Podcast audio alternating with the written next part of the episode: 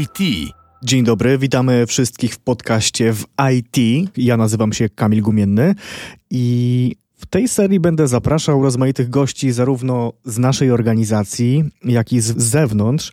Gości, z którymi będę rozmawiał na rozmaite tematy związane nie tylko z IT, ale też ogólnie związane e, z tym, co się dzieje na, na naszym rynku pracy, z tym, co się dzieje w obecnych trendach i oczekiwaniach zarówno pracodawców, jak i pracowników. Także przed nami jeszcze będzie długa, długa droga i mam nadzieję, że wkrótce ten podcast będzie waszym nowym, ulubionym podcastem poświęconym właśnie e, zagadnieniom około IT. I dzisiaj temat bardzo aktualny, bardzo świeży i taki, który z jednej strony, ok, może już troszeczkę być wyeksploatowany, ale doszedłem do wniosku, że trzeba o nim powiedzieć też z naszej perspektywy, a mianowicie praca zdalna jest wpisana niejako w DNA Laxoftu.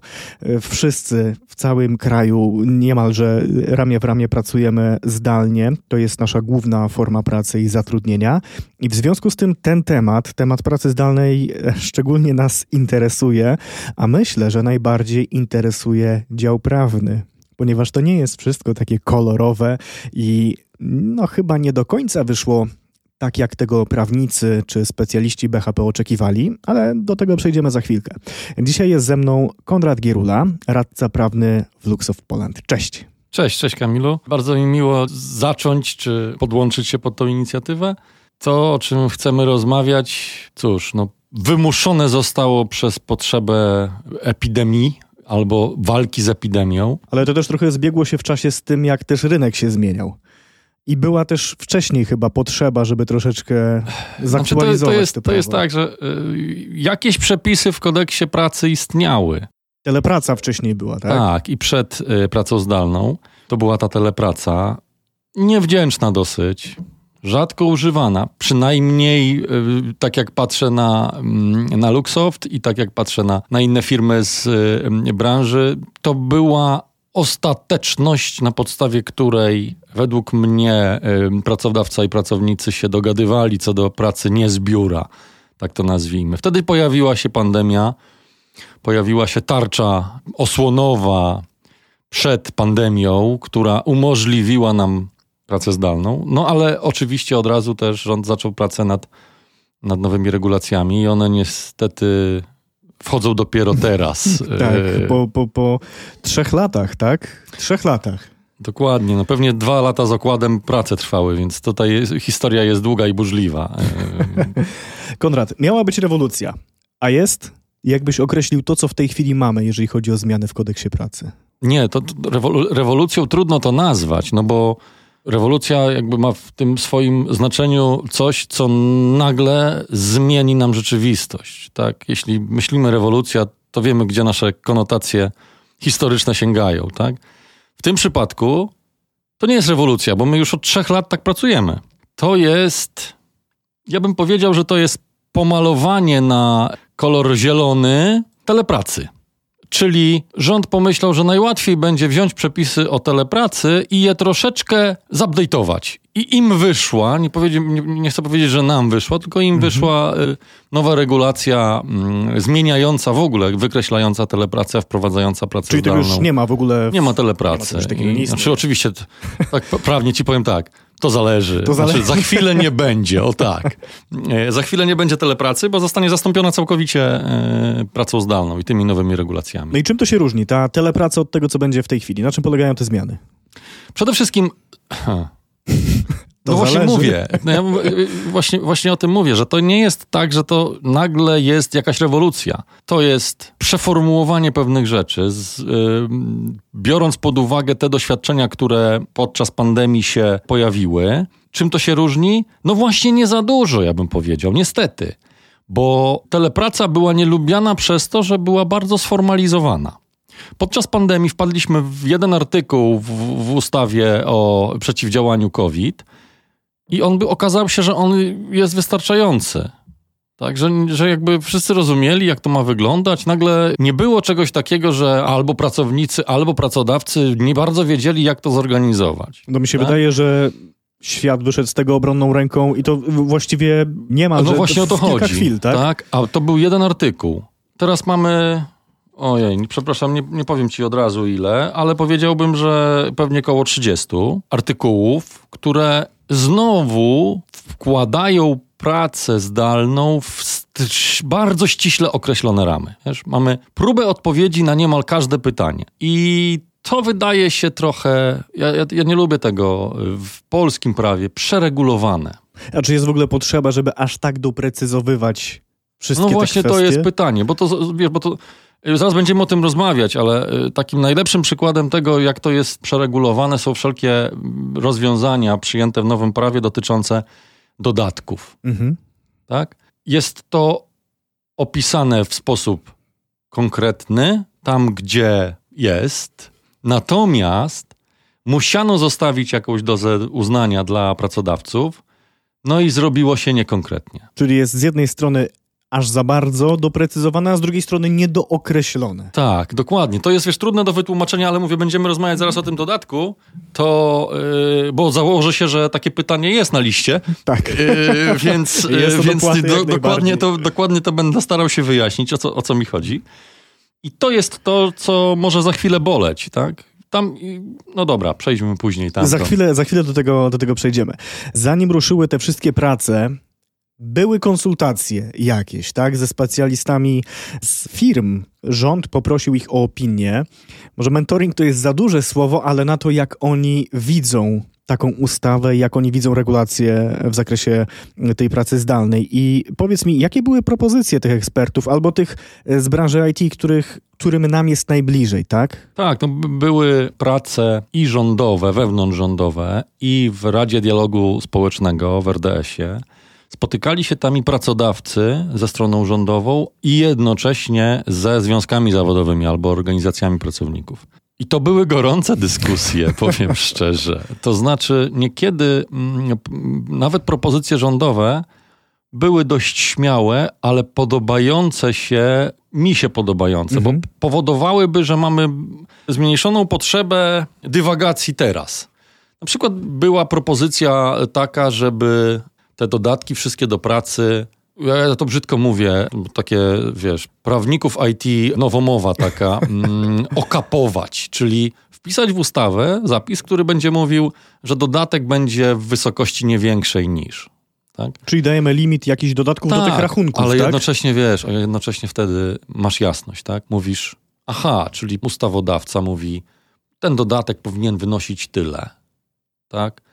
I nie masz tak jak teraz, tysiąca webinarów, czy też tysiąca stanowisk każdego, który gdziekolwiek zetknął się z pracą zdalną, że to ma wynosić tyle i do, do tego też trzeba dodać kilojoule, czy w czym to się tam mierzy, tak. ciepła tak. i, i wielkości megawaty, okien. kilojoule, e, tak. Więc jakby to, to, był, to był postulat ciekawy, a jednocześnie ułatwiający później i dwóm stronom dojście do tego, w jaki sposób ma to być zorganizowane. To była jedna z rzeczy, która się najbardziej podobała. Pojawiały się też i ostatecznie, co cieszy, zostało to zaakceptowane, postulaty, które powodowałyby, że można będzie z pracownikiem dogadać się ad hoc co do pracy zdalnej. Czyli nie będzie potrzeba tego całego enturażu prawniczego i jakichś porozumień i, i aneksów do umowy czasami i, i czegoś, jakichś regulaminów wewnątrzzakładowych, to się nazywa, ale yy, u pracodawcy tylko można będzie to zrobić po prostu, jak pracownik będzie chciał. Czyli w sytuacji, kiedy jest taka potrzeba ze strony pracodawcy albo pracownika, dogadują się na własną rękę. Tak, i to i była... powiedzmy na trzy tygodnie idziesz pracować z domu, tak?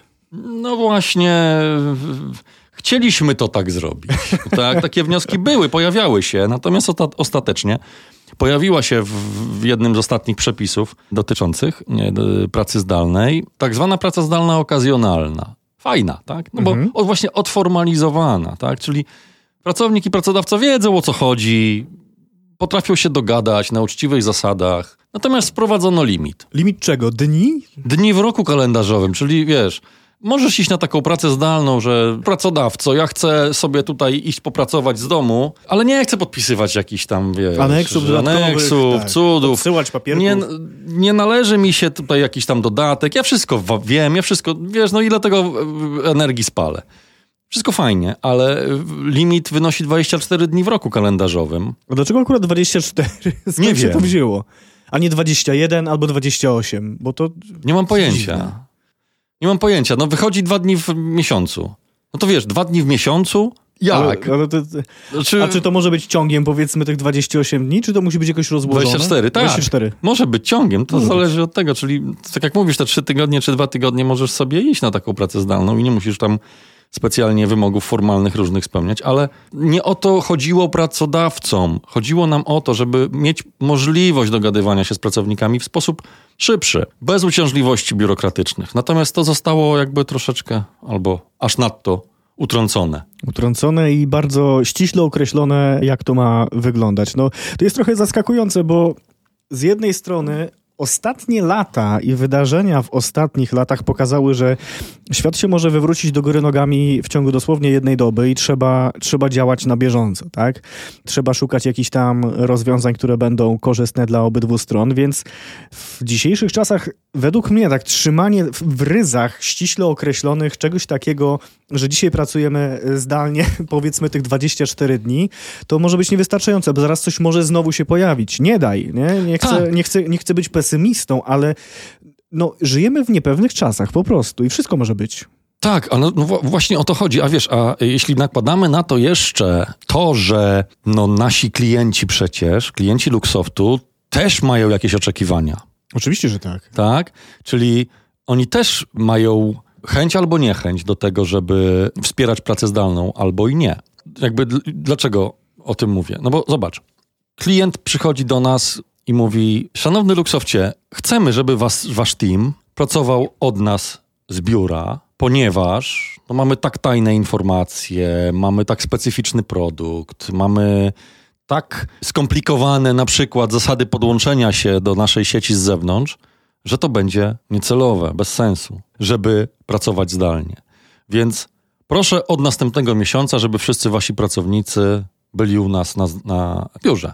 I wiesz, i to nie jest tylko problem Luxoftu, podejrzewam. Ja też tak myślę, że to w, w, chyba wszystkie, jak nie wszystkie, to zdecydowana większość firm IT w Polsce się mierzy Tak, z tym samym. Ale z, zobacz, zobacz, co teraz mamy, jak, jaką mamy sytuację. To zapewnia taką możliwość, wiesz, ustawienia sobie tej, w tym przypadku, o którym powiedziałem, ustawienia sobie tej relacji za miesiąc, tak? Musisz pracowniku przychodzić, no bo niestety, sorry, klient chce, klient Mamy taki projekt po prostu. Mamy taki projekt, takie są wymogi projektu, wiesz, dostęp do informacji, dostęp do urządzeń, dostęp do czegoś. Tego wymaga. Pomijam już aspekty tego tak zwanych wiążących wniosków o pracę zdalną. To nie o to mi chodzi. Są też takie. Jest taki przepis, który mówi, że każda ze stron może się o to zwrócić. Ale Ale tutaj gwiazdkę mamy. i tutaj właśnie to, co prawnicy lubią, to zależy. Bo wyobraź sobie, że ten przepis obowiązuje tylko tych pracowników i pra- ich pracodawcę, którzy uzgodnili pracę zdalną podczas trwania ich umowy o pracę. Czyli nie obowiązuje ten sposób tych, którzy są nowymi pracownikami. No właśnie, i co z tymi, co dopiero będą podpisywać? To, czyli to musi być w trakcie trwania umowy dla bieżących pracowników. Tak, wtedy masz tą mobilność, jak ja to nazywam. Masz jakiś sposób wyjścia z tej pracy zdalnej, który jest, no jakby umożliwia i pracownikowi, i pracodawcy tą zmianę. W przypadku, gdy mówimy o nowym pracowniku, który przychodzi teraz, jak zacznie, zacznie pracę od, e, po świętach, pracownik, dobra, pomijając te przepisy intertempolarne, przepraszam cię za wstawkę, ale przychodzi pracownik po świętach, powiedzmy, że już ta praca zdalna obowiązuje, te regulacje. I jeśli z nim podpiszemy umowę o pracę zdalną, to żeby ją zmienić, musimy ją rozwiązać. Albo aneksować oczywiście. Hipotetyczna sytuacja. Jest sobie człowiek w jakimś tam projekcie, pracuje w nim, projekt się kończy, przechodzi do innego projektu, który już załóżmy nie jest zdalny, ale jest stacjonarny i potem z tego projektu też albo zmienia projekt wewnętrznie w ramach organizacji i przechodzi na zdalkę, czyli za każdym razem aneks, tak? Tak. I to nawet kilka aneksów w roku może być. No oczywiście, no przecież tak, yy, tak, tak nasi ludzie pracują, tak? I jakby ja nie widzę racjonalności w, tym, w tych postanowieniach, tak? No bo czymże się różni teraz ten człowiek, który u nas. Ja, przepraszam za dyskryminację, jeśli chodzi o długość zatrudnienia. Czym się różni u nas człowiek, którego nazywamy starym pracownikiem?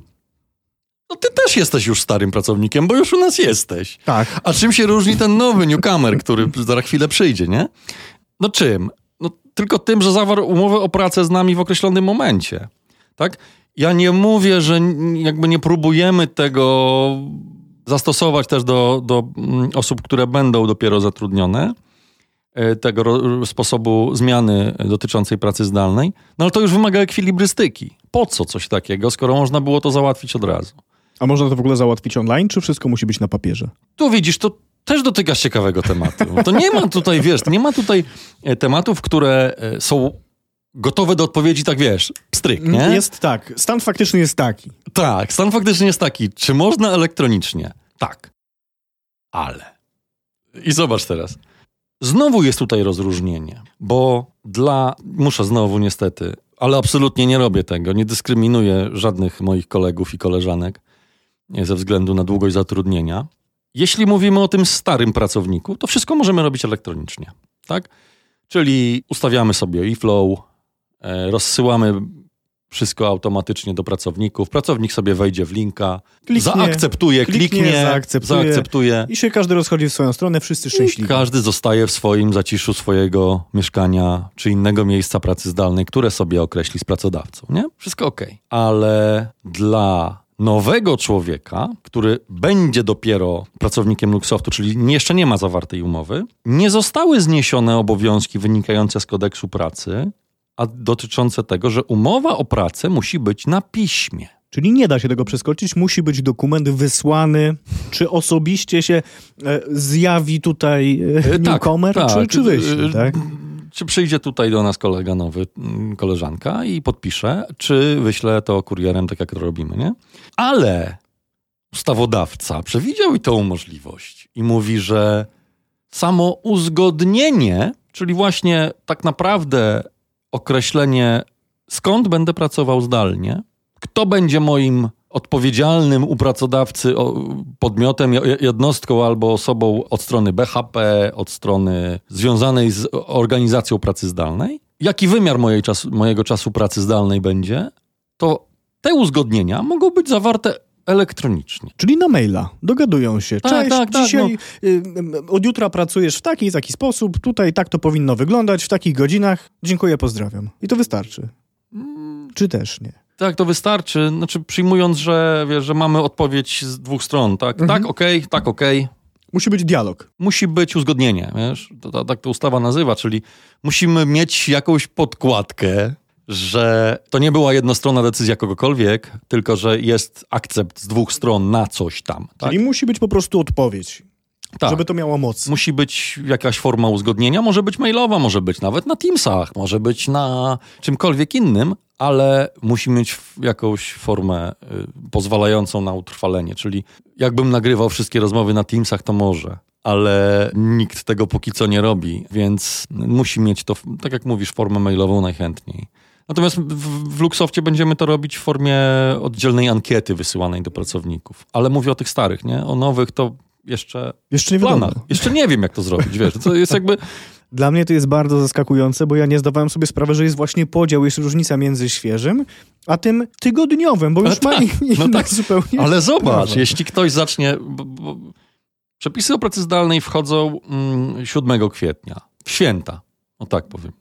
Czyli jeśli ktoś zacznie od 1 kwietnia, to już jest starym pracownikiem. Ale ósmego już jest nowym. A u 8 czy 9 czy 10, nie pamiętam jak tam kalendarz wygląda, już będzie nowym i do niego będą miały zastosowanie inne zasady. Ale dlaczego? I trudno mi sobie to jakby logicznie i wiesz, racjonalnie. Mamy, e, prawnicy mają takie naleciałości ze studiów, że próbujemy wytłumaczyć przepisy w sposób racjonalny, myśląc, że ustawia je, uchwala je racjonalny ustawodawca. Czyli racjonalny, czyli taki, który wie, że ten przepis jest po coś. Musi być związek przyczynowo-skutkowy, żeby dojść do tego, tak? Tak, natomiast w tym przepisie akurat, który mówi, że pracę zdalną możemy sobie dowolnie zmieniać, czyli jedna strona może powiedzieć drugiej stronie, ej, nie chcę już tak pracować, albo nie możesz tak pracować i za 30 dni, bo tak mówi przepis maksymalnie, wracam do biura, albo ty, pracowniku, wracasz do biura, obowiązuje tylko tych, których mamy teraz. No przecież nie, nie, jakby nie widzę powodu. Być może gdzieś jest ukryty, ale jeszcze go nie zdążyłem odkryć.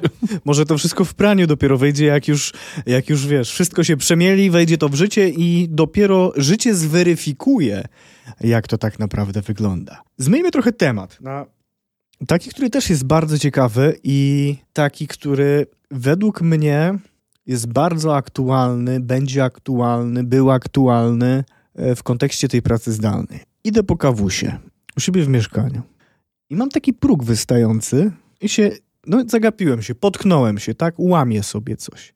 Czy to jest wypadek przy pracy? Hmm.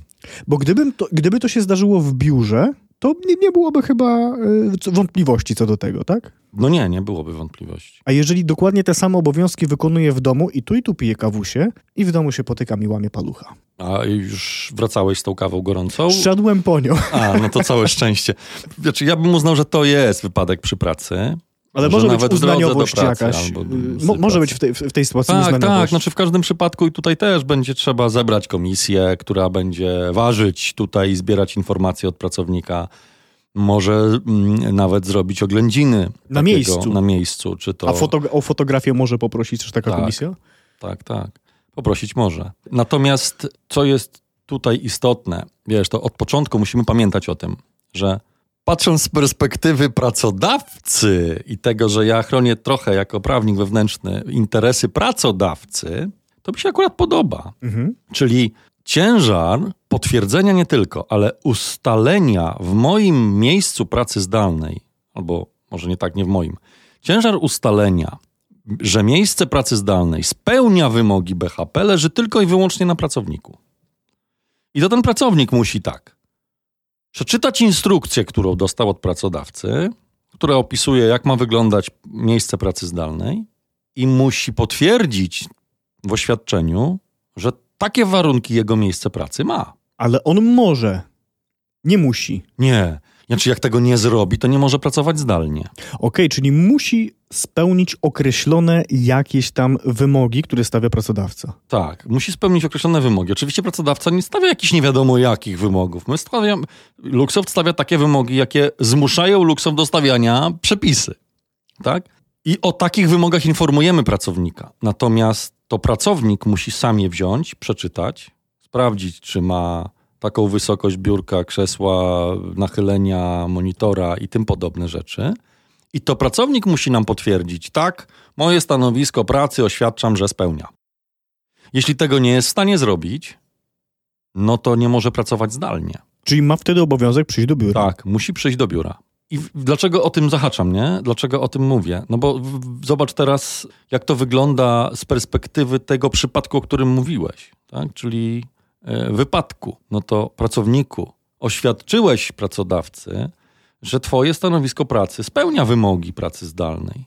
Ale nie wspomniałeś o tym progu, wiesz? Co tam robi próg? Tak, znaczy próg może być, no bo to nie jest y, miejsce mm, pracy. Tak samo schody są też, tak, no bo no są. Ale z tej perspektywy, dlatego powiedziałem, że wiesz, za, każ za każdym razem będziemy musieli sprawdzać ten wypadek przy pracy. To będzie miało znaczenie też dla rozstrzygnięcia przez komisję, czy pracownik złożył swoje oświadczenie mm, zupełnie y, mając świadomość, jakie są wymogi. Nie chcę tutaj używać innych słów, rozumiesz? Mhm. Tak, no bo y, ufamy sobie i rozumiem, że pracownicy oczekują tego zaufania od pracodawcy i vice versa. Czyli tak to jest zorganizowane. I tu wchodzimy znowu już, wiesz, dotykamy lekko, ale zostawmy to na razie. Dotykamy lekko tego, co pracownik ma dostać od pracodawcy i co, jeśli tego nie dostaje, tak? Też pośrednio trochę tego dodatku, który za pracę zdalną przysługuje. Ale to zostawmy, bo to są bardzo ciekawe y, przepisy. Ja myślę, że tutaj życie, życie nam też pokaże różne scenariusze i najrozmaitsze wypadki na pewno będą się zdarzać. W szczególności myślę, że jeżeli mówimy o zwierzakach, Tak. takie, takie sytuacje. Tak, nie? i wiesz co? I tak naprawdę to jest temat bardzo nielubiany. Ja wiem, że wejdę teraz na, y, na ścieżkę wojenną z pracownikami też Luxoftu.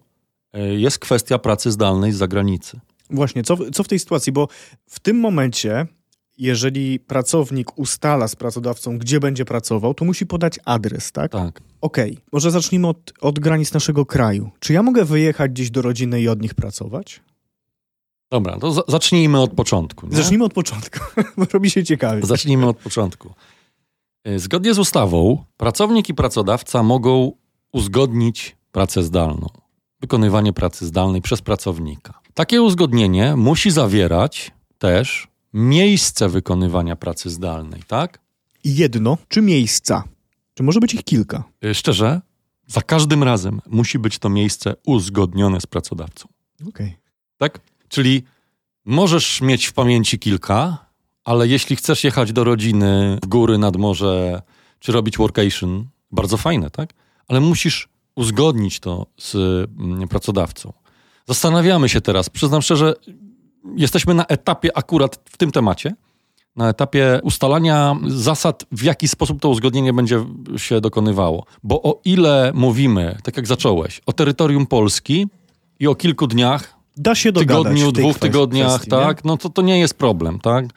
Y, y, organizacja Luxoft szczęśliwie, naprawdę jest do tego przyzwyczajona, gotowa i nie ma z tym problemu, żeby y, pracować zdalnie z każdego wymyślnego miejsca w Polsce, o ile oczywiście, no bo wiesz, no miejmy świadomość, jestem prawnikiem, więc o ile od razu mi się mnoży, nie? O ile oczywiście spełniamy warunki, nie wiem, ochrony informacji, y, dostępu do osób tak. trzecich i tym podobne, nie? No nie, nie, nie wyobrażam sobie pracy zdalnej w metrze, tak? Znaczy wyobrażam sobie, ale nie chciałbym, żeby to nas występowało. Absolutnie. Jeszcze z publicznego Wi-Fi, tak? Tak. No. Więc wiadomo, że musimy spełniać tutaj jakieś wymogi. No ale dobra, wracamy. Wracamy do tematu, bo wiesz, galopuje od razu gdzieś. Czy może być kilka miejsc? No mówię, może być, ale pracodawca, zgodnie z ustawą, ale też z tym, co my chcemy mieć, chcemy wiedzieć, pracodawca powinien wiedzieć, gdzie ty jesteś, pracowniku, żeby choćby móc zareagować w perspektywie wypadku przy pracy. Coś się dzieje, tak? tak? Ogólnie jak coś się stanie. Tak, więc jakby tą świadomość musimy mieć. O ile jest to w Polsce, to Luxoft podchodzi do tego bardzo okej. Okay tak? My mówimy, powiedz swojemu przełożonemu, że jedziesz do dziadków, wujków, ciotków, czy to kogo tam masz, swojego kuzyna na weekend i zostaniesz tam dwa dni, bo nie chcesz w korkach wracać po świętach. Okej. Okay. Musimy mieć tą informację i uznajemy to za uzgodnienie, tak? No bo jest możliwe w formie elektronicznej. Dwie strony mogą tam wymienić się poglądami tak, do negocjować. Ja wysyłam to... do mojego przełożonego, wiesz co, będę, będę na, na święta dłużej zostanę, popracuję sobie skądś, tak? Okej. Okay jest zgodne z prawem, zgodne z naszą procedurą i na to Luxoft absolutnie pozwala. A babcia, jeżeli żyje w Pradze To się tylko cię... A, a, a.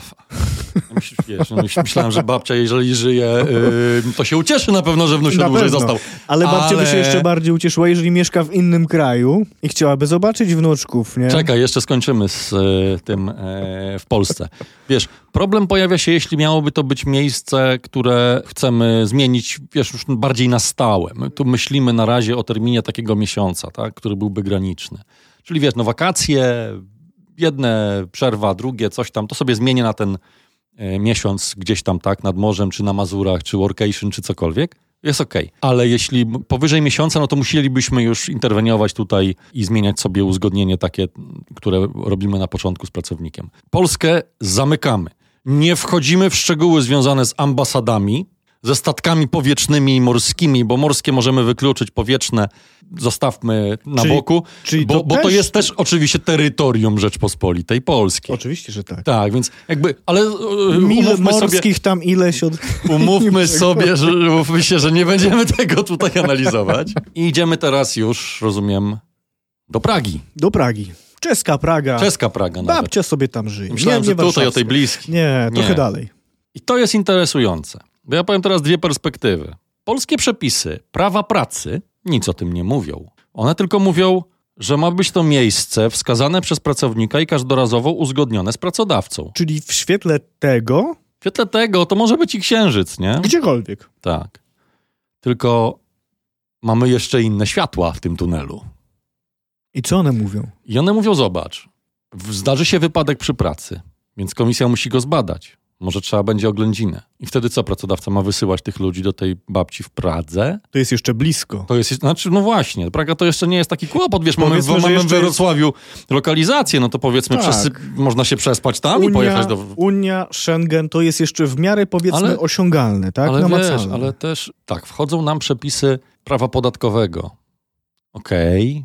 183 dni, nie zmienia się rezydencja, okej. Okay ale wchodzą przepisy zabezpieczenia społecznego, czyli polski ZUS. Ubezpieczenie, tak. Tak.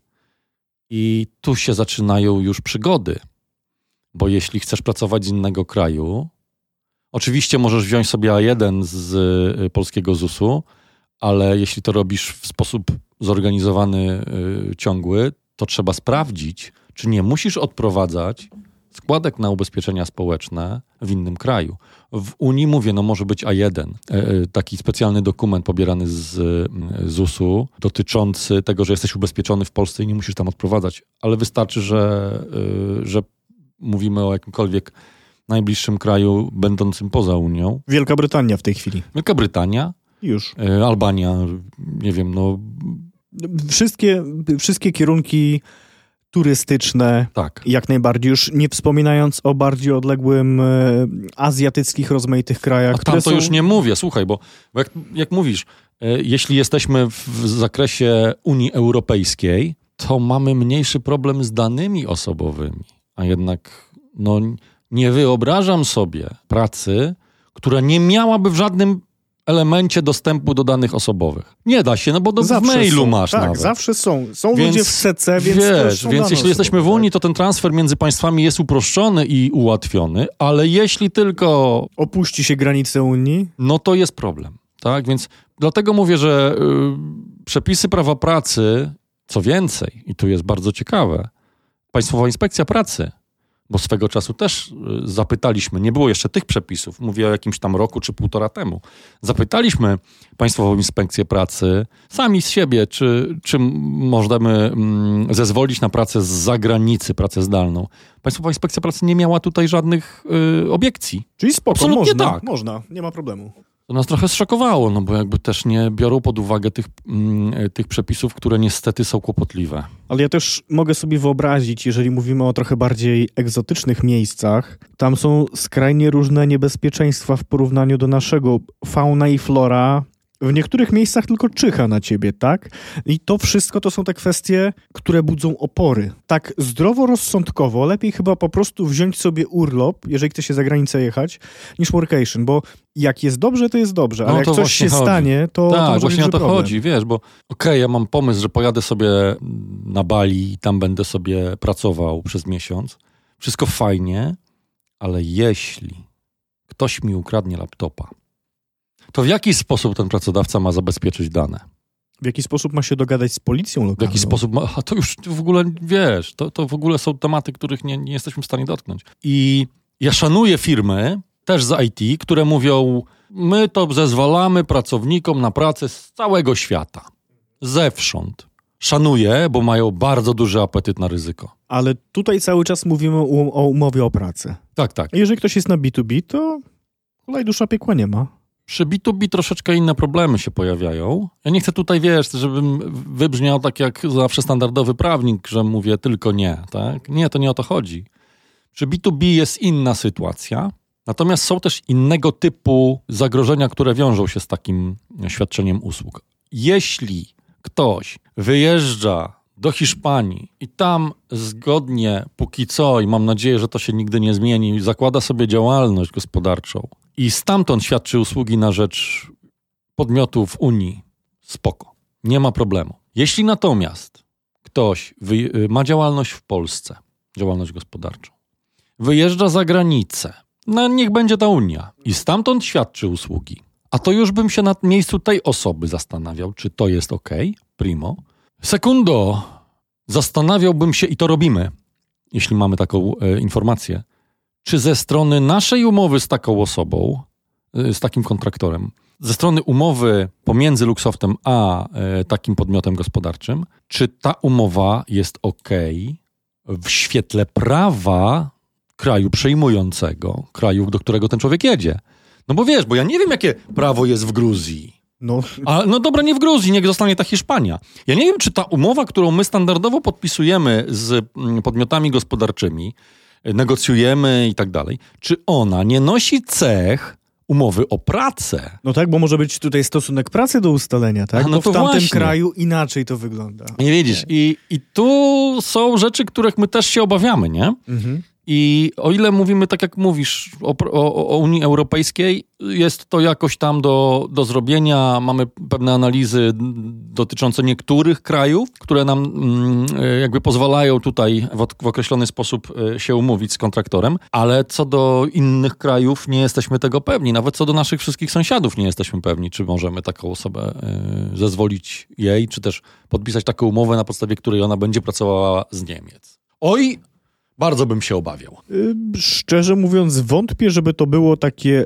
bardziej z górki niż pod górkę. Dokładnie, dokładnie. Więc faktycznie, tak jak mówisz, praca zdalna, regulacja dotyczy tylko i wyłącznie umów o pracę. Nie dotyczy kontraktorów, czyli osoby, które prowadzą jednoosobową działalność gospodarczą. Nie dotyczy umów zawieranych jako umowy zlecenia, umowy o dzieło, inne umowy o świadczenie usług. Mówimy tylko i wyłącznie o pracownikach i, y, i to zostało umożliwione. A czy jeżeli mówimy o takiej umowie zlecenie, tam może coś takiego wejść, czy to po prostu jest kwestia tego, jak się dogada jedna strona z drugą? No to wiesz, to zlecenie jest bardzo podobne do kontraktora, tak? Mhm. Znaczy nawet te przepisy się wzajemnie ze sobą łączą, albo umowa o świadczenie usług odsyła do, do zlecenia w kodeksie cywilnym, więc to jest bardzo, bardzo ze sobą powiązane. I tu bym powiedział, że te zastrzeżenia, o których przed chwilą mówiłem, dotyczące mm, kontraktorów, czyli tych prowadzących jednoosobową działalność gospodarczą, y, mają zastosowanie też wobec y, zleceniobiorców, mhm. tak? bo to są podobne sposoby regulowania jakby wzajemnych praw i obowiązków w umowach. Tak? Mówiliśmy o tych formalnych obowiązkach, jakie spoczywają na pracodawcy, czyli dostarczenie informacji, jak ma wyglądać to miejsce pracy, wysokość biurka, ergonomia itd., tak itd. Tak Co jeszcze musi pracodawca w świetle tych nowych zmian? Czy ma jakieś nowe obowiązki? Tak, no wracają nam tutaj obowiązki związane ze szkoleniami. Tak, one zostały zawieszone na czas e, COVID-u. Póki co fala COVID-u w Polsce rośnie, natomiast wszystko wygląda na to, że za chwilę y, zostanie zakończony stan zagrożenia epidemicznego, więc przepisy, które zawieszały organizację szkoleń, obowiązki okresowych badań medycznych, powrócą. Tak? Także to jakby. Tylko powrót do tego, co już było powrót wcześniej. do tego, co już było, mhm. Ale wiesz, to będzie powrót masowy, bo to, to było też, zawieszone na 3 tak, lata czy na, na 2,5. w setkach i w tysiącach ludzi, których to będzie dotyczyło w rozmaitych organizacjach. Dodatkowo, wiesz, gryzę się w język, prawda? Nie chcę, żeby y, takie słowa padały, ale niestety tak to czasami w Polsce wygląda. Zmieniła się ustawa, nie zmieniły się rozporządzenia. No i trudno nam na razie znaleźć termin, i musimy robić jakąś ekwilibrystykę prawną, znaleźć termin na to, żeby powiedzieć naszym kadrom, HR-om, że szkolenia osób na pracy zdalnej mają się odbyć w terminie X od momentu wejścia w życie przepisów. Nie wiemy. Zostały tak pozmieniane przepisy, że się zakleszczyło, wiesz? I Pewne sytuacje nie są objęte przepisami czy kodeksu pracy, czy rozporządzeń o, dotyczących mm, badań medycznych i szkoleń i mamy zgryz. Tak? I na razie przyjęliśmy wersję najmniej optymistyczną, żeby być przygotowanym i zobaczymy, jakie będą za chwilę opinie na rynku albo od samego ministerstwa może coś wyjdzie też jakiegoś ciekawego. Ciekawe. Tak? A e, co jeszcze pracodawca ma, ma zrobić? No tak jak mówiłem, pracodawca musi, musi e, opracować ocenę ryzyka zawodowego, musi przeszkolić pracowników. Czyli musi... ta ocena ryzyka zawodowego inaczej wygląda dla osoby na zdalnym, a inaczej dla, dla tej w biurze? Nie, no to są wiadomo, może podobne, podobne. E, podobne rzeczy, no bo akurat dla naszej branży będą to podobne rzeczy, tak? No bo sobie trudno wyobrazić, żeby programista czy osoba, która pracuje e, na stanowisku administracyjno-biurowym, jak to, jak to nazywa ustawa i rozporządzenie, żeby ta praca inaczej zasadniczo wyglądała w biurze, a inaczej w, w miejscu pracy zdalnej, no to jednak będą zawsze klawiatura, myszka i, i monitor. I, I, musi być. I tyle, tak. Także to jest bardzo podobne. No wiadomo, że mamy troszeczkę tutaj pewnie e, in, inny rodzaj sprzętów biurowych będzie w domu, a inny w biurze, tak. To, to jest ta zasadnicza różnica. No ale to nie, obej- nie będzie uwidocznione w takiej ocenie ryzyka. I co dalej? Co, ale zobacz, co, co mówisz, co, co zrobi, yy, co ma zrobić pracodawca? Patrz, zaraz sobie wyobraź. My jesteśmy, powiedziałbym, dużą organizacją. Tak? To nie jest software house. Ja nie, ja nie deprymuję, nie? żeby nie o, to, nie o to mi chodzi. Chodzi mi o to, że mamy ponad 2000 pracowników i my musimy te 2000 pracowników przenieść na pracę zdalną, kodeksową z dnia na dzień, tak?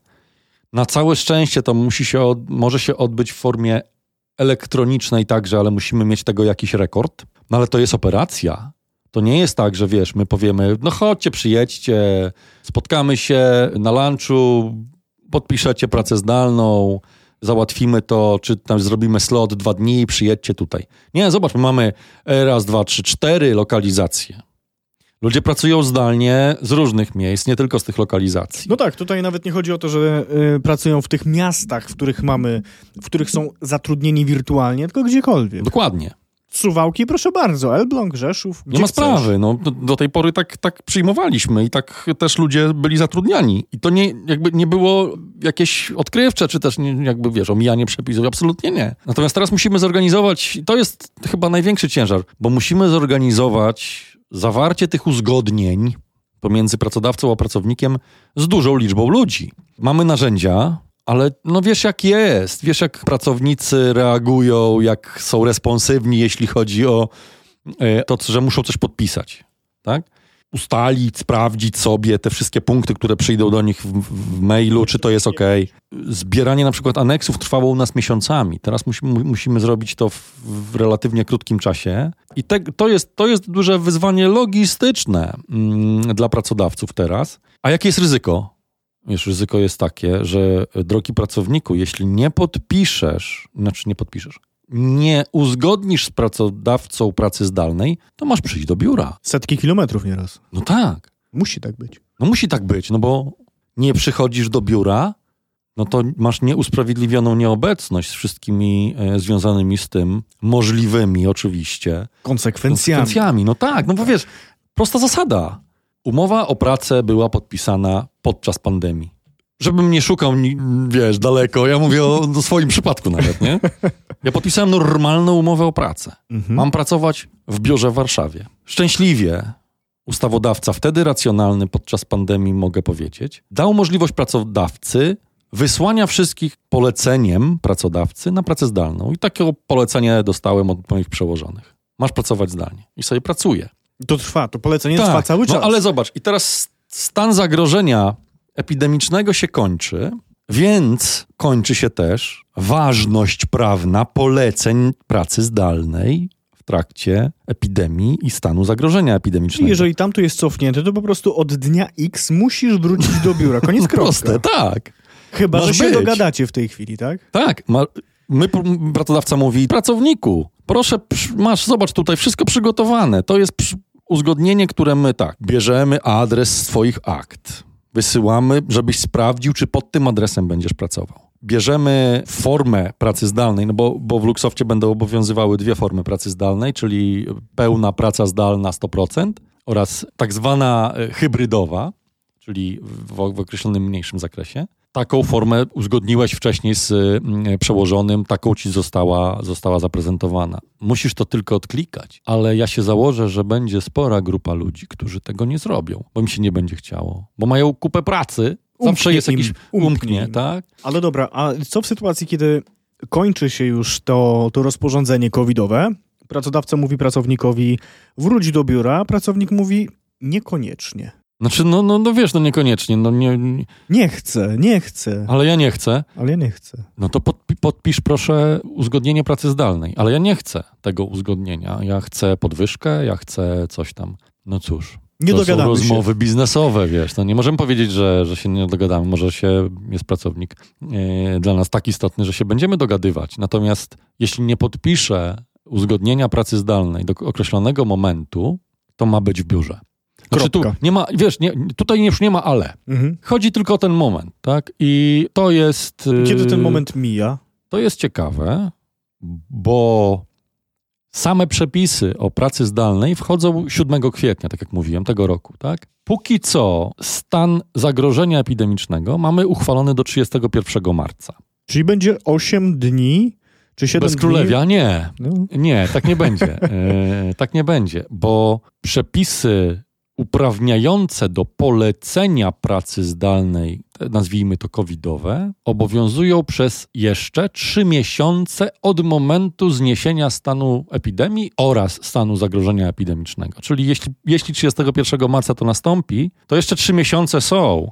Czyli do końca czerwca jeszcze to, te polecenie będzie wiązało. Więc y, no, powiedzmy, że, że tutaj jesteśmy jakoś w stanie to zabezpieczyć. Ale mimo wszystko my chcemy to wdrożyć od 7 kwietnia i później, żeby już mieć wiesz, z głowy. No, przy tak dużej organizacji to po To prostu... potrwa. Tak, to, to potrwa, więc im szybciej, tym lepiej. To chyba też rada dla pracodawców wszystkich, żeby tego nie odwlekać w czasie. Tych ustaleń z pracownikami, w szczególności w dużych tak, no, organizacjach. w dużych nie? organizacjach to będzie trwało i to nie, wiesz, to jest, oczywiście jest ułatwienie, szczęśliwie.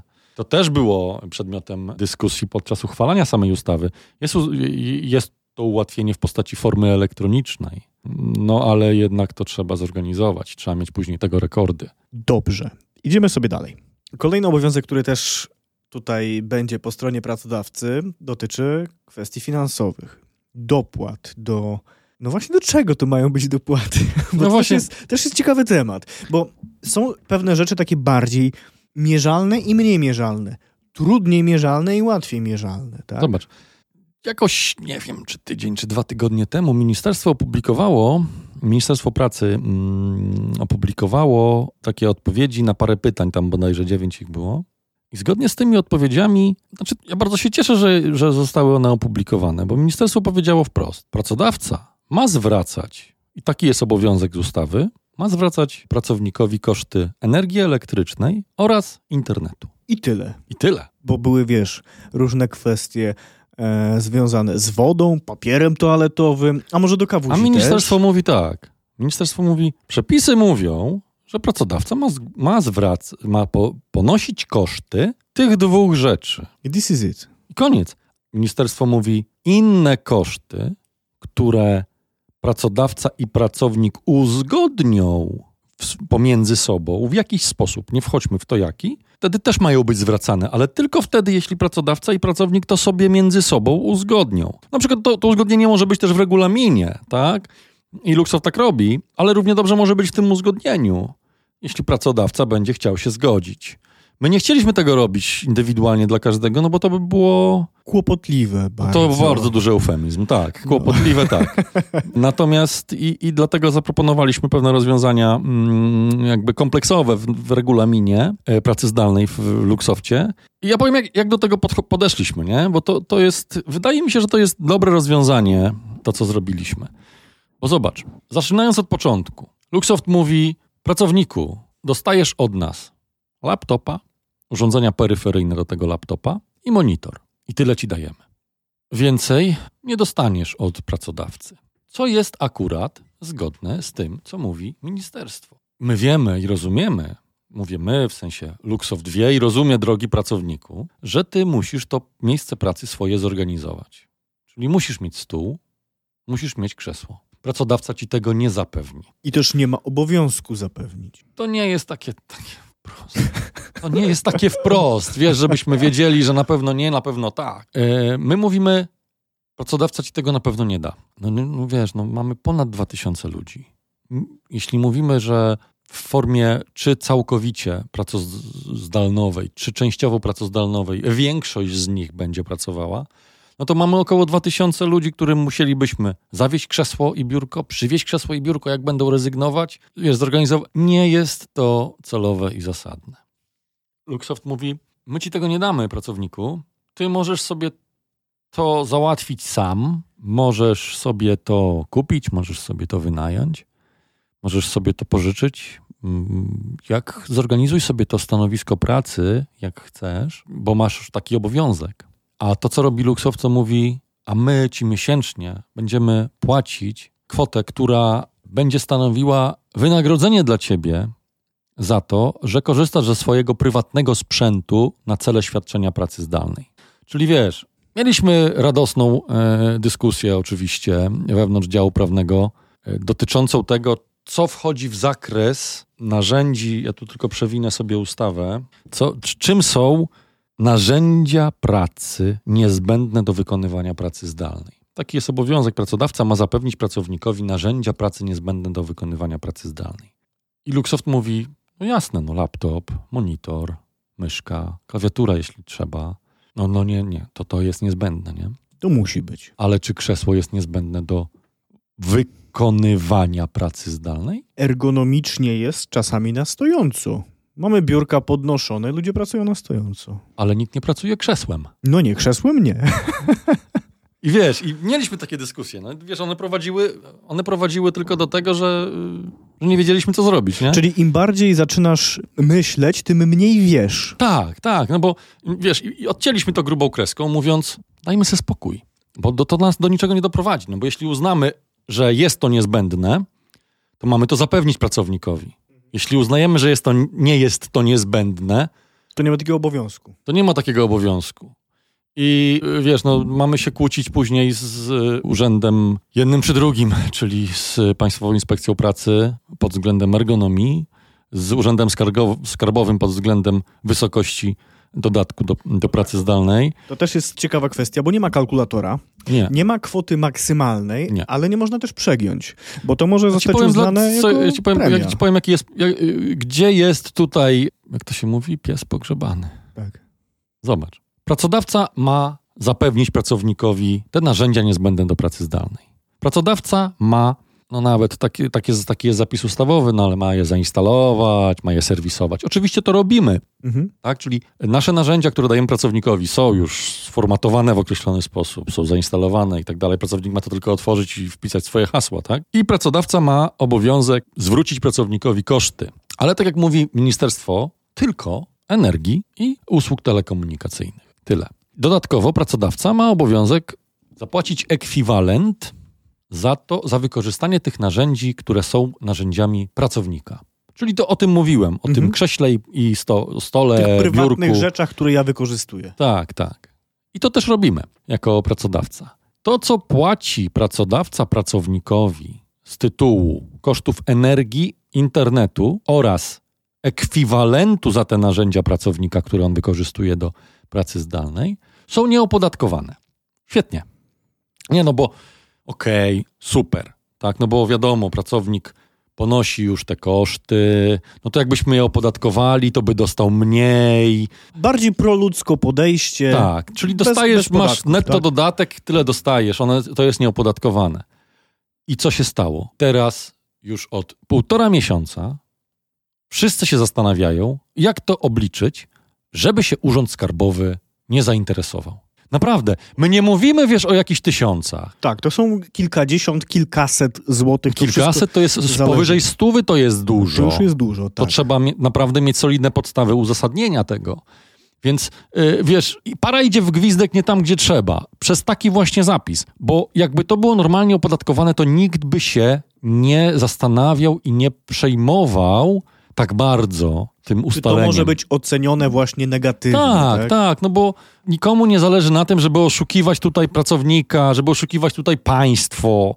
Tak nie, nie o to nam chodzi. Po prostu pracodawcy się teraz obawiają, że jeśli określą za wysoki ten poziom dodatku, ja to mu nazywam wspólnie dodatkiem, zaraz powiem czemu, to poziom dodatku do pracy zdalnej, to Urząd Skarbowy to po dwóch, trzech, czterech czy pięciu latach będzie w stanie zakwestionować. Fajnie. Znaczy myślisz sobie, a dobra, tam dwie dychy w miesiącu Urząd Skarbowy zakwestionuje. A teraz zobacz sobie, zrób sobie prosty rachunek. Dwie dychy miesięcznie razy dwa tysiące ludzi. To już jest ładna suma. W miesiąc. W miesiąc. Razy potem- 12. I potem razy 12.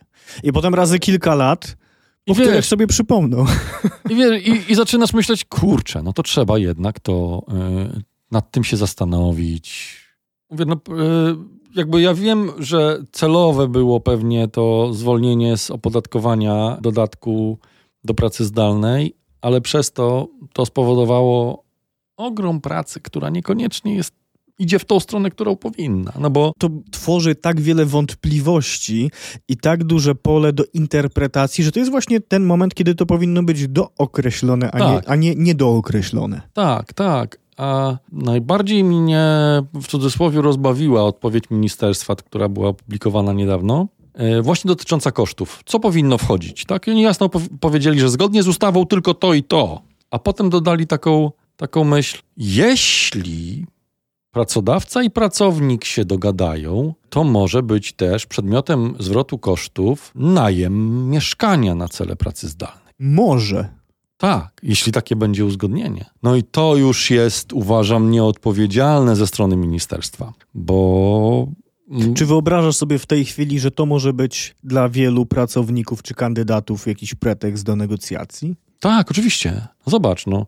Jest łatwa kalkulacja. Zobacz, czego potrzebujesz do, do pracy zdalnej? No miejsca, tak? Musisz usiąść. Jaki jest koszt kawalerki w Warszawie? W tej chwili pewnie nie mniej Miesięcznie. niż dwa, dwa i pół No, za kawalerkę. dwa przyjmując, no, nie? dwa. Przyjmujesz dwa. Związane z, z wykonywaniem pracy zdalnej w tym jest 8 godzin dziennie w dni robocze. Ja tak liczyłem pi razy oko, to jest 500 zł miesięcznie. Bo dopłata byłaby ewentualnie do tego czasu pracy. Tak, tylko. tak. Tylko do czasu pracy.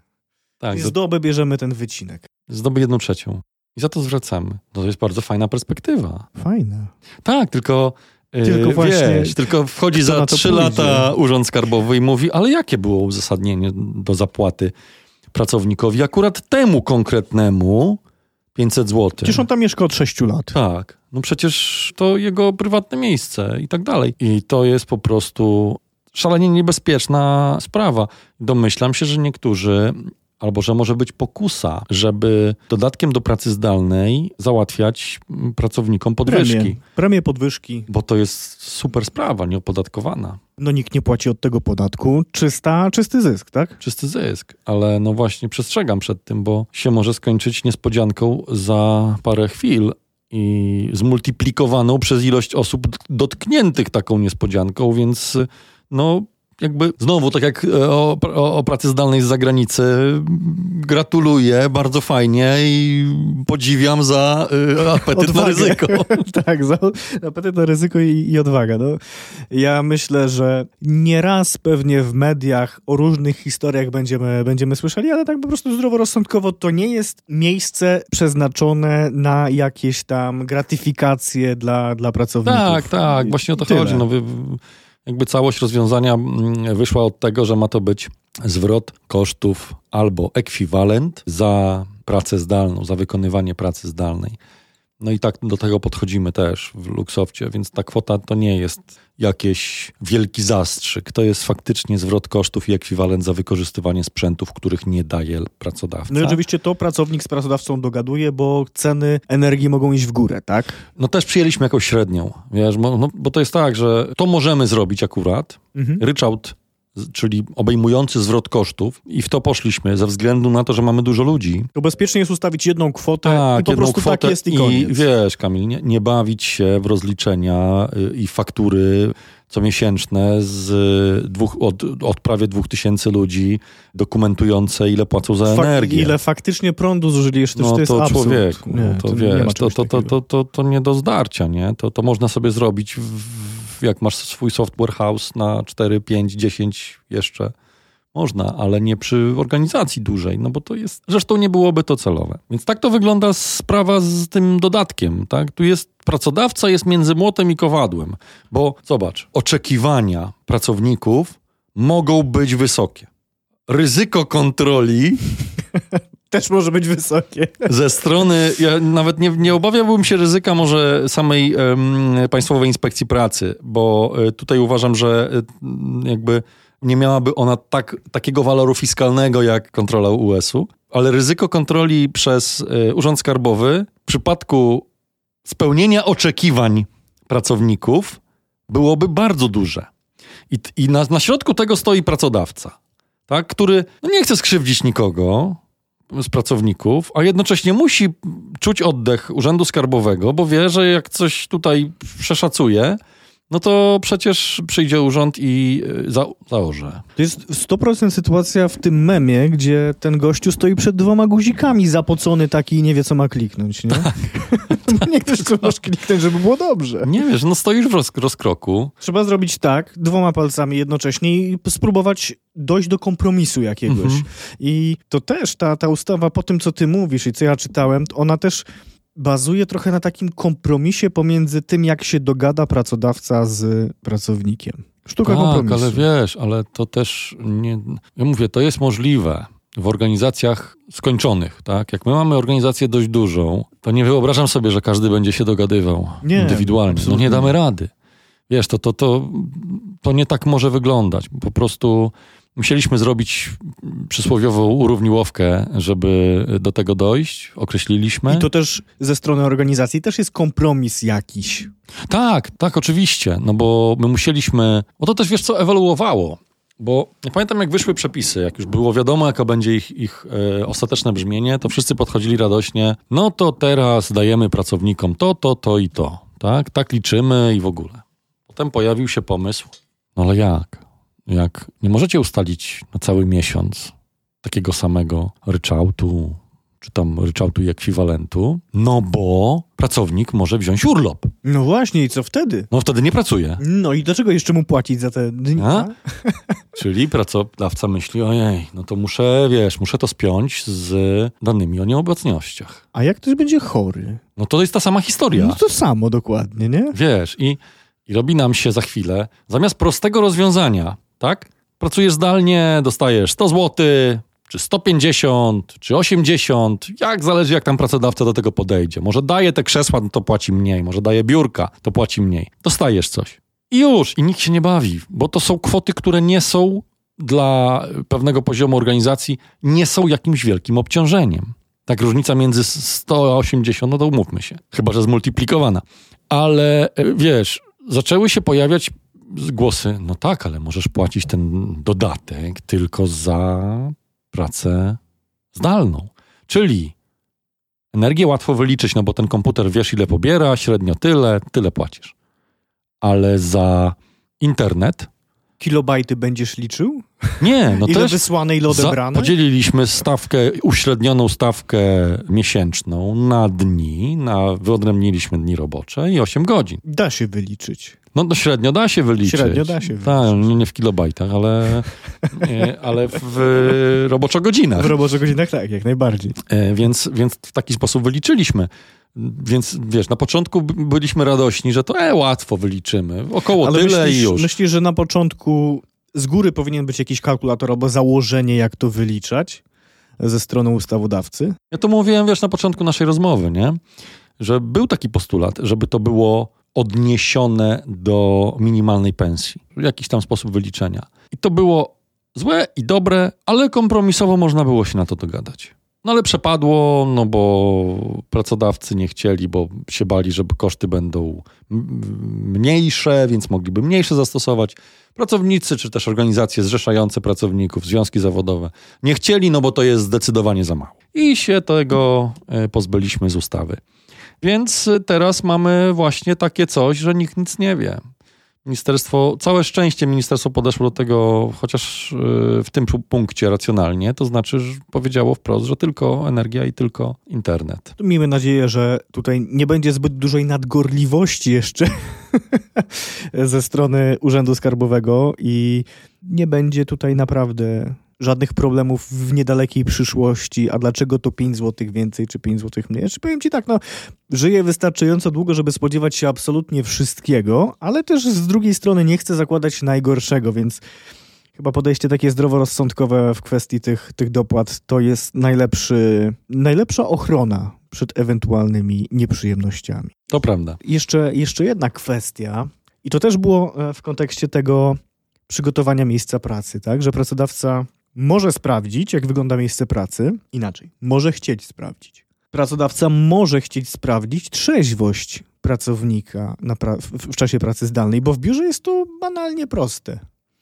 A w przypadku pracy zdalnej, jak to wygląda? Widzimy, z- załóżmy, hipotetyczna sytuacja. Mamy kola na Teamsach i widać, że jeden pracownik coś, coś tam może być na rzecz. Co w takiej sytuacji może zrobić pracodawca? Mm, Pracodawca ma oczywiście możliwość skontrolowania pracownika i może to zrobić oczywiście w miejscu wykonywania pracy zdalnej, ale musi to zrobić w porozumieniu z pracownikiem. Jeżeli pracownik się nie zgodzi No to nie ma porozumienia, i nie ma kontroli. nie ma kontroli. I to dotyczy wszystkich kwestii tam, gdzie pracodawca chciałby mieć wgląd do tego, jak ktoś żyje, tak? Nie, to nawet nie, bo to, to, to może dotyczyć. Ja tu zaraz zacytu, zacytuję ci wiesz z ustawy, Mhm. jak to wygląda. Może to dotyczyć bezpieczeństwa i higieny pracy, kontroli wykonywania pracy zdalnej przez pracownika, ale też przestrzegania wymogów w zakresie bezpieczeństwa i ochrony informacji. Czyli czy przypadkiem tam nie stoi jakaś kamera, która streamuje Na przykład. no. gdzieś tam w świat, Więc, nie? y, wiesz, jak mamy wymogi związane z bezpieczeństwem i higieną pracy w postaci obowiązku bycia trzeźwym, no to y, możemy to skontrolować. Ale wymóg ustawowy mówi wprost: kontrolę, taka, kontrolę taką przeprowadza się w porozumieniu z pracownikiem. Pracownik ma tysiące powodów, żeby odmówić zgody. Tak? To może być cokolwiek. Dzieci sobie nie życzą, pies nie lubi. Prawo do prywatności. Prawo do prywatności, no wiesz, takie coś musi być też, no bo mm, łatwo tutaj o jakieś e, nadużycia. nadużycia. No niestety, więc jakby w jedną i w drugą stronę to musi jakoś działać na zasadzie zaufania też. Mogą się zdarzyć takie sytuacje, takie, że, że pracownicy nadużywają takiego zaufania też w, te, w tej perspektywie. No ale no, no cóż, no.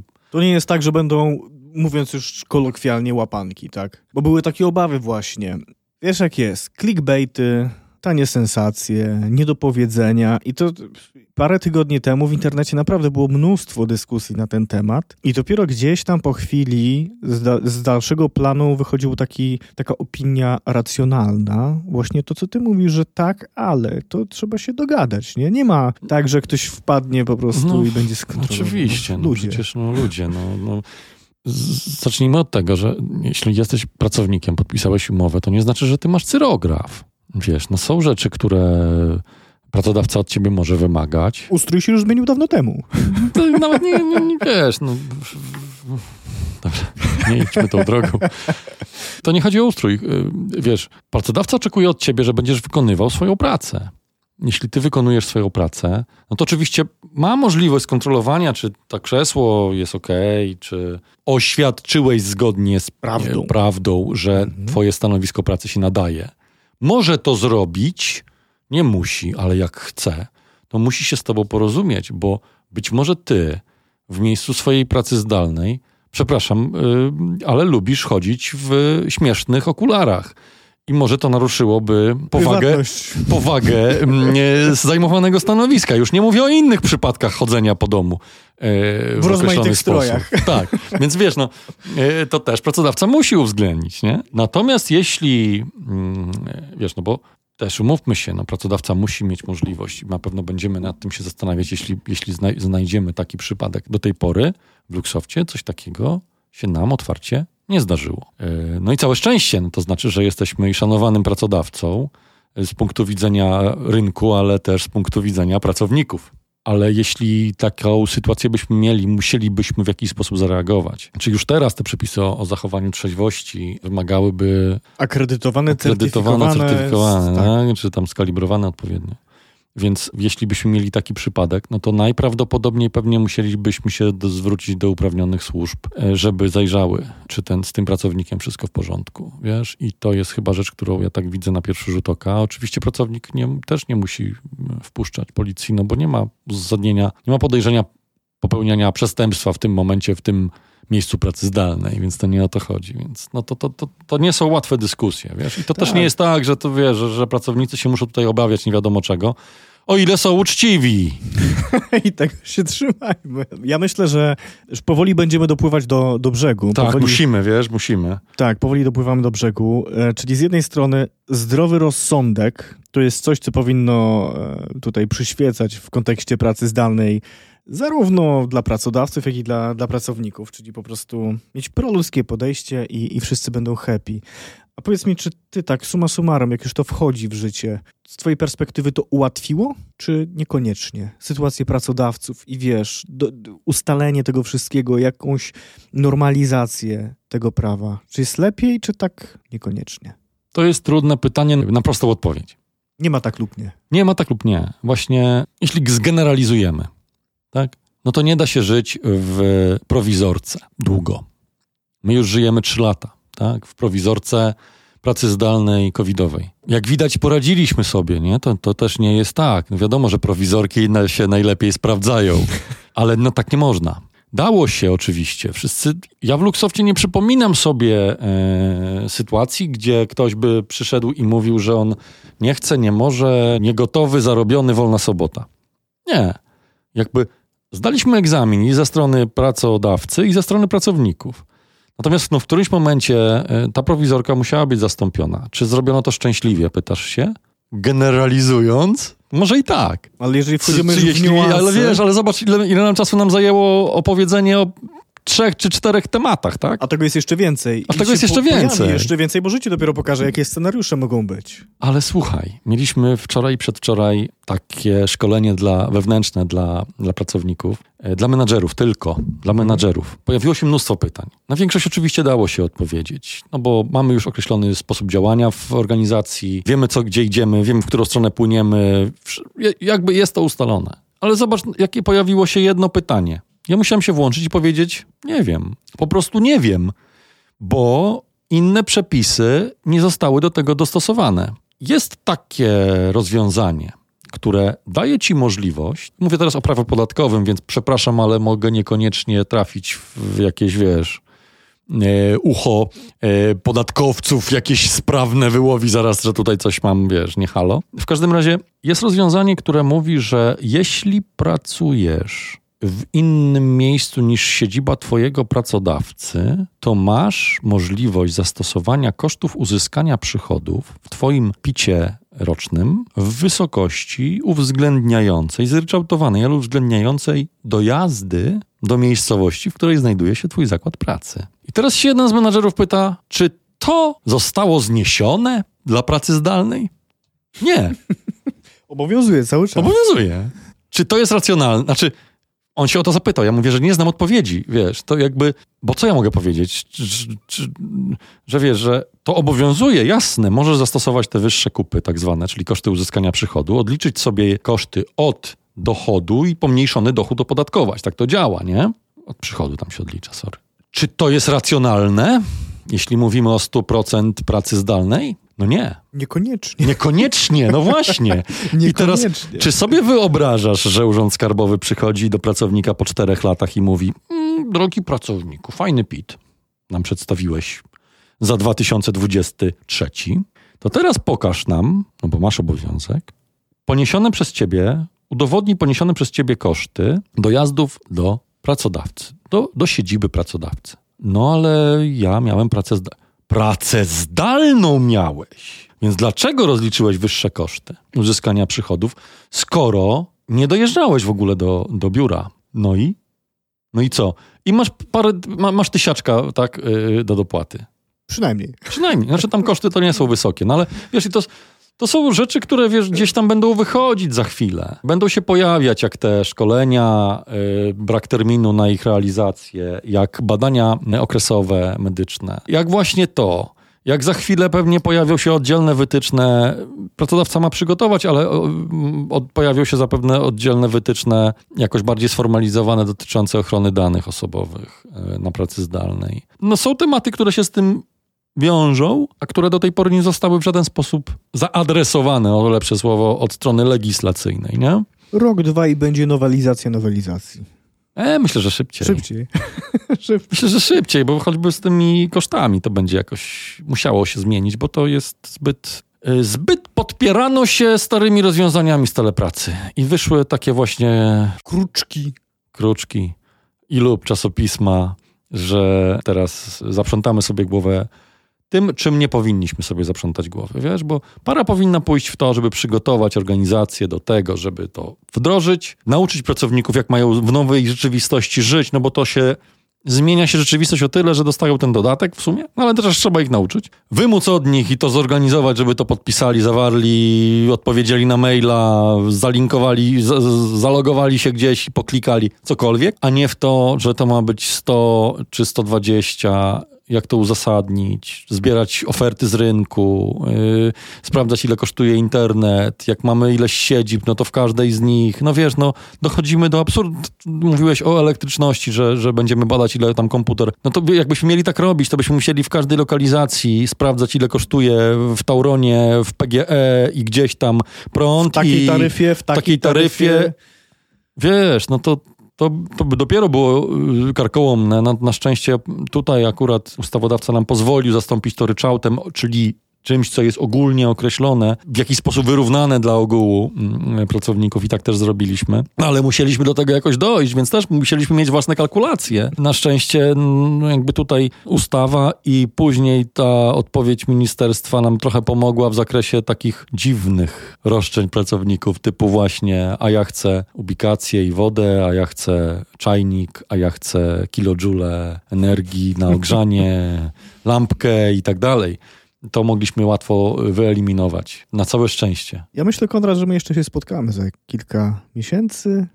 Żeby zobaczyć, jak to poszło. Być może za rok i zobaczymy, jak to poszło. Czy, no, można. Czy faktycznie. W tym temacie można. Ja jeszcze bym, wiesz co, się zastanawiałem, bo ja bym chętnie zrobił większą rozmowę mhm. na dwa albo trzy głosy, jeśli będzie możliwe, o czacie GPT.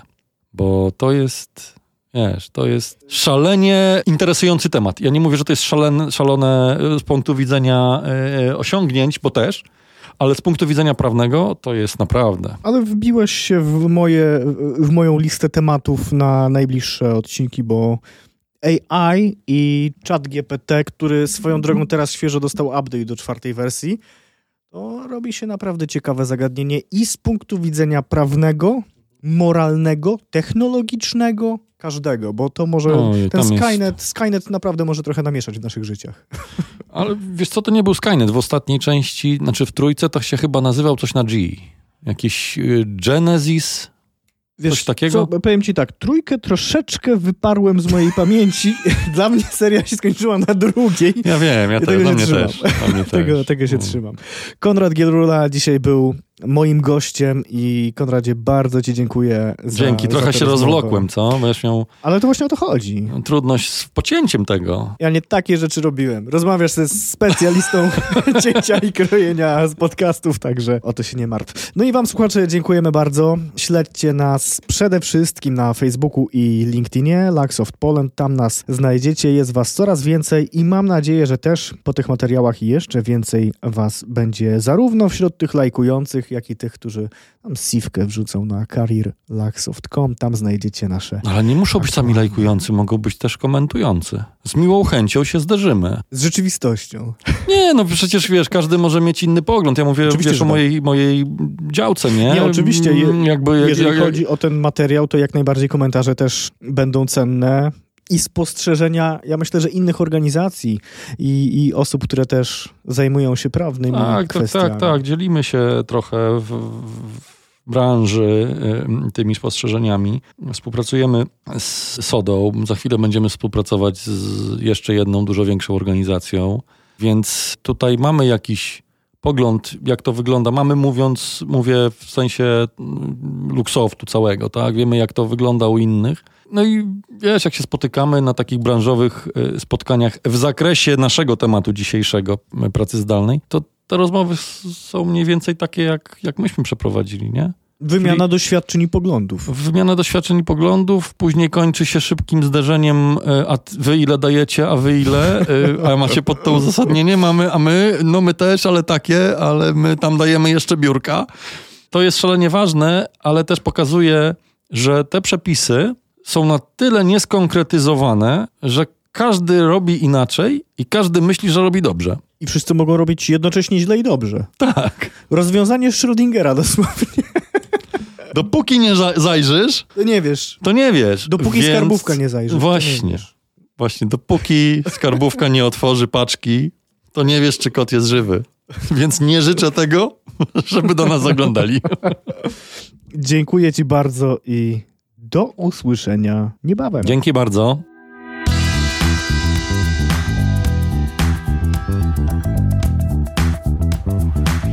W IT śledź nas na swojej ulubionej platformie podcastowej.